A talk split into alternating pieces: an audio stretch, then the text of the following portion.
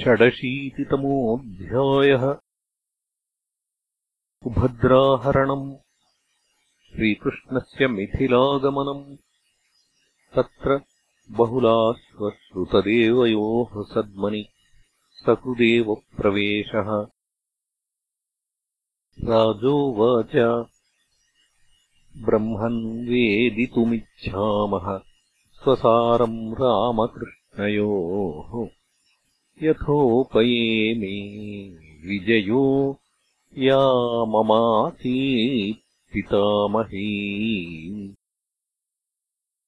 श्रीशुक उवाच अर्जुनस्तीर्थयात्रायाम् पर्यटन्नवनीम् प्रभुः।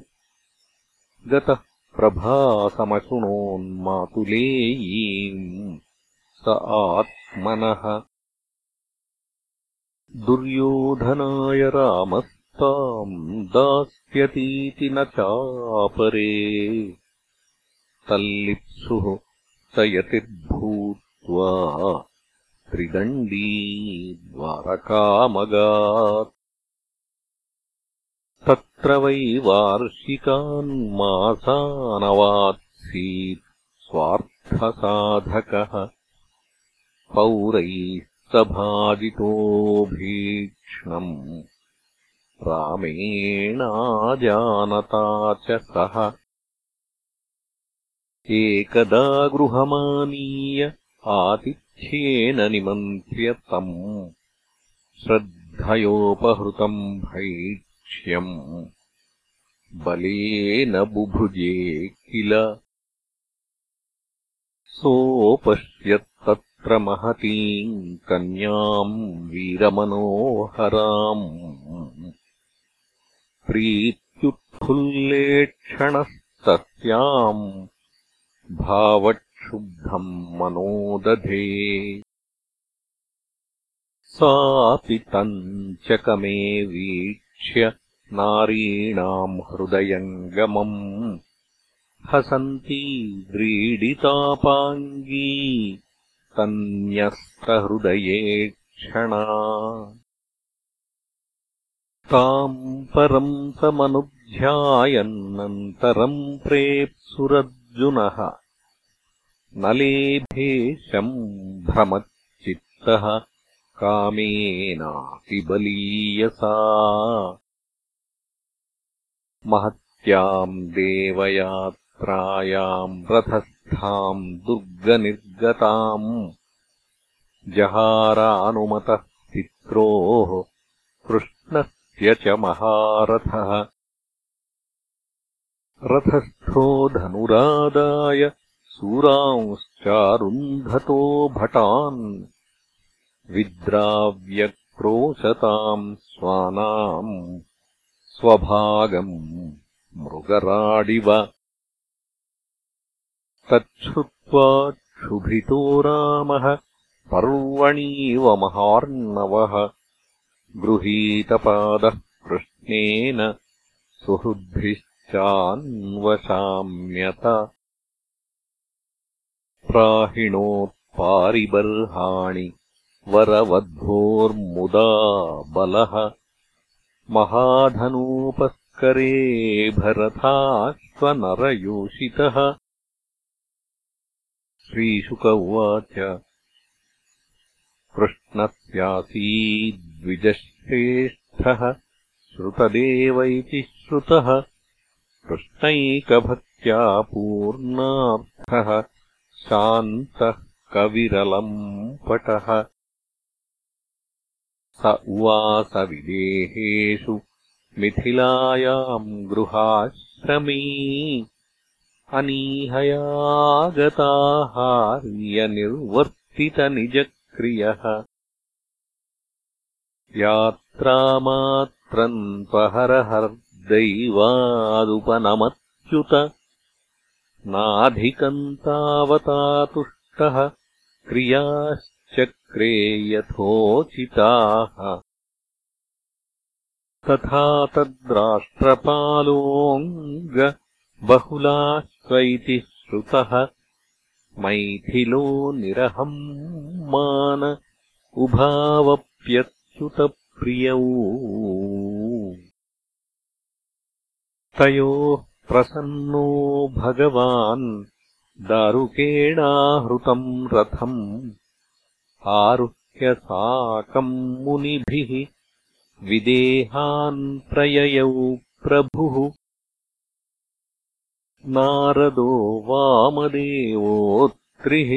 कृष्णो रामोऽसितोरुणिः अहम् बृहस्पतिः कण्वो मैत्रेयस्त्यवनादयः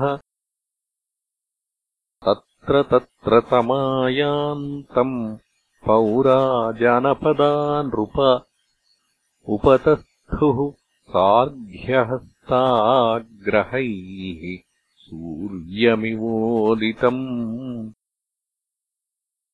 आनत्तधन्वकुरुजाङ्गलकङ्कमत्स्यपाञ्चालकुन्तिमधुकेकय कोसलार्णाः। अन्ये च तन्मुखसरोजमुदारहासस्निग्धेक्षणम् नृप पपुर्दृशिभिर्नृनार्यः तेभ्यः स्ववीक्षणविनष्टतमिष्टदृग्भ्यः क्षेमम् त्रिलोकगुरुरर्थदृशम् च यच्छन्। शृण्वन् दिगन्तधवलम् स्वयशोऽशुभघ्नम् गीतम् सुरैर्नृभिरगाच्छनकैर्विदेहान्। तेऽच्युतम् प्राप्तमाकर्ण्य पौरा जानपदा नृप अभीयुर्मुदितास्तस्मै गृहीतार्हणप्राणयः। दृष्ट्वा त उत्तमश्लोकम् प्रीत्युत्फुल्लाननाशयाः कैर्धृताञ्जलिभिर्नेमुः श्रुतपूर्वाम् तथा मुनीन्।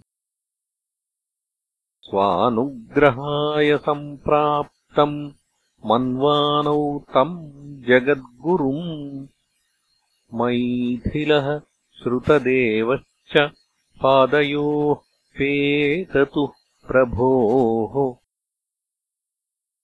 न्यमन्त्रयेताम् दाशार्हम् आतिथ्येन सह द्विजैः। मैथिलः श्रुतदेवश्च युगपत्संहताञ्जली।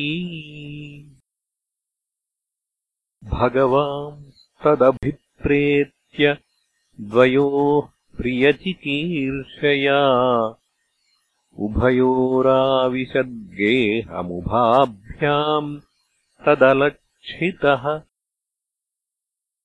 श्रोतुमप्यसताम् दूरान् जनकः स्वगृहागतान् आनीते श्वासनाग्र्येषु सुखासीनान् महामनाः प्रवृद्धभक्त्या उद्धर्षहृदयास्ताविलेक्षणः नत्वा तदङ्घ्रीन् प्रक्षाल्य तदपो लोकपावनीः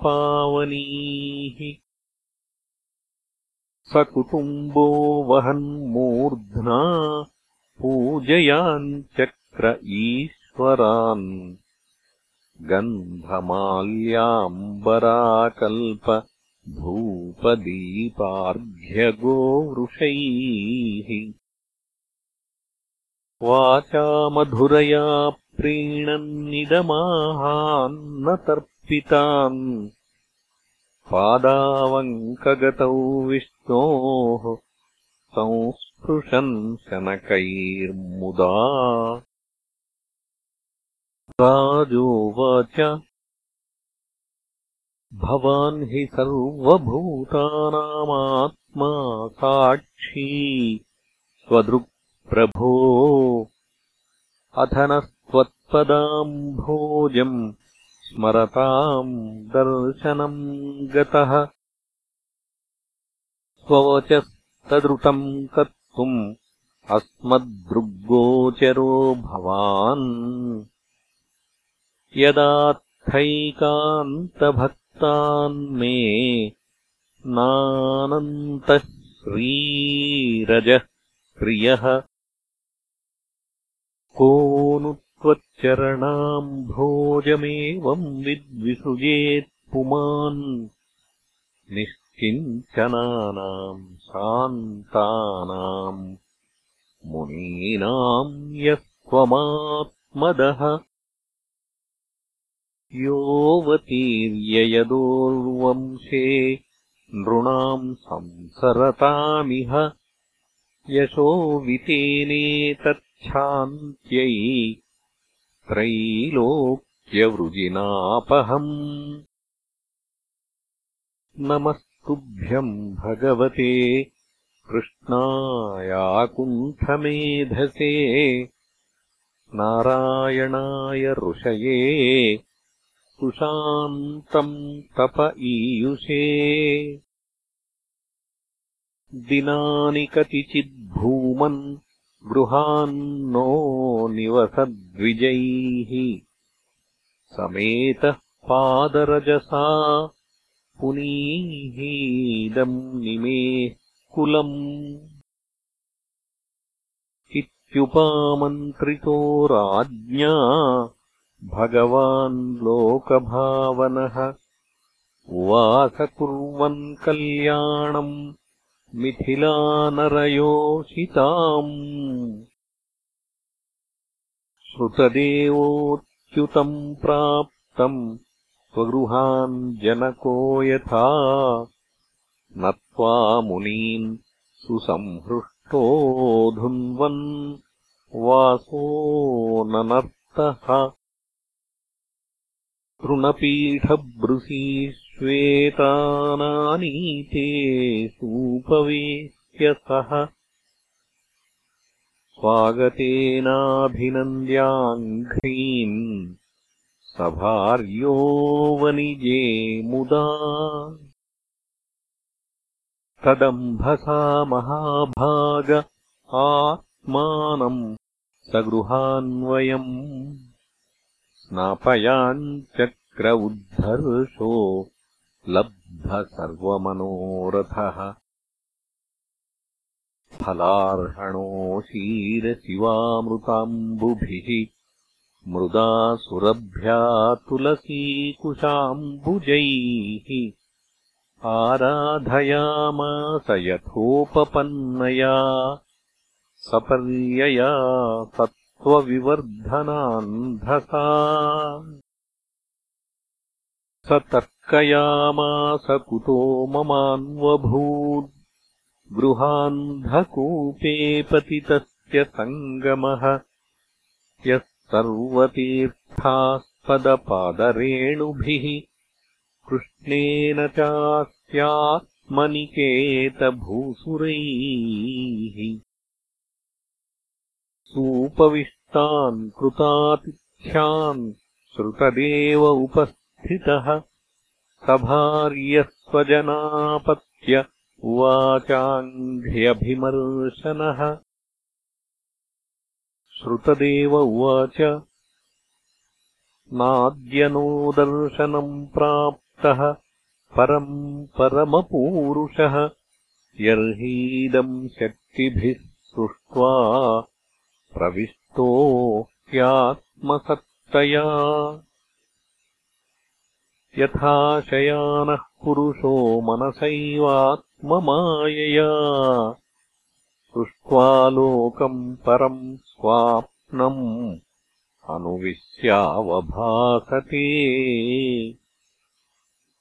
शृण्वताम् गदताम् शश्वदर्चताम् त्वाभिवन्दताम् नृणाम् संवदतामन्तर्हृदि भात्यमलात्मनाम् हृदिस्थोऽप्यतिदूरस्थः कर्मविक्षिप्तचेतसाम्।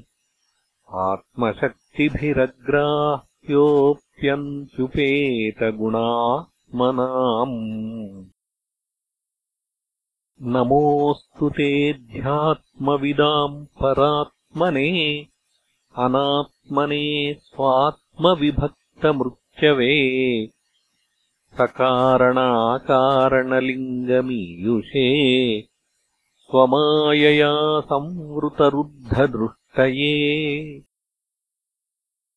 स त्वम् शाधि स्वभृत्यान् नः किम् देवकरवामहे?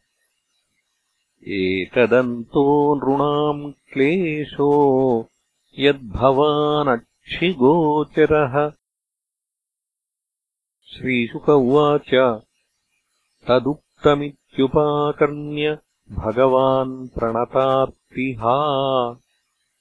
गृहीत्वा पाणिना पाणिम् प्रहसंस्तमुवाचः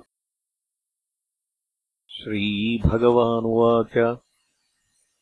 ब्रह्मंस्तेऽनुग्रहार्थाय सम्प्राप्तान् विध्यमून्मुनीन् सञ्चरन्ति मया लोकान् पुनन्तः पादरेणुभिः। देवाः क्षेत्राणि तीर्थानि दर्शनस्पर्शनार्चनैः।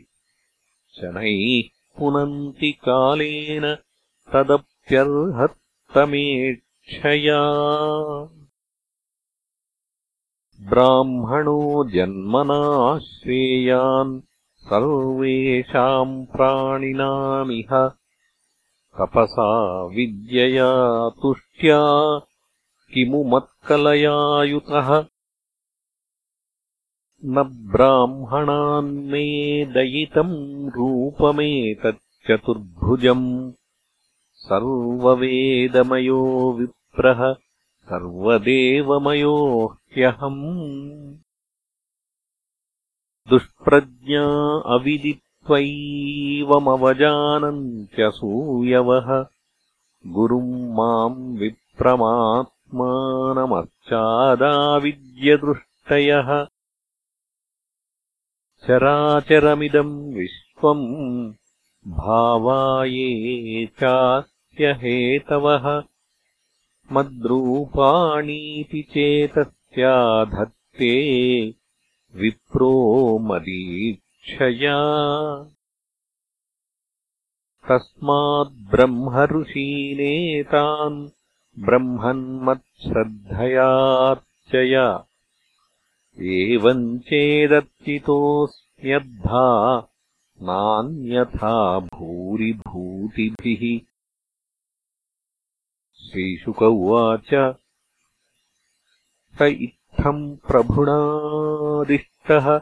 सः कृष्णान् द्विजोत्तमान् आराध्यैकात्मभावेन मैथिलश्चाप सद्गतिम्। एवम् स्वभक्तयो राजन् भगवान् भक्तभक् िमान् उषित्वादिश्य सन्मार्गम् पुनर्द्वरवतीमगात्। इति श्रीमद्भागवते महापुराणे पारमहंस्याम् संहितायाम् दशमस्कन्धे उत्तरार्धे षडशीतितमोऽध्यायः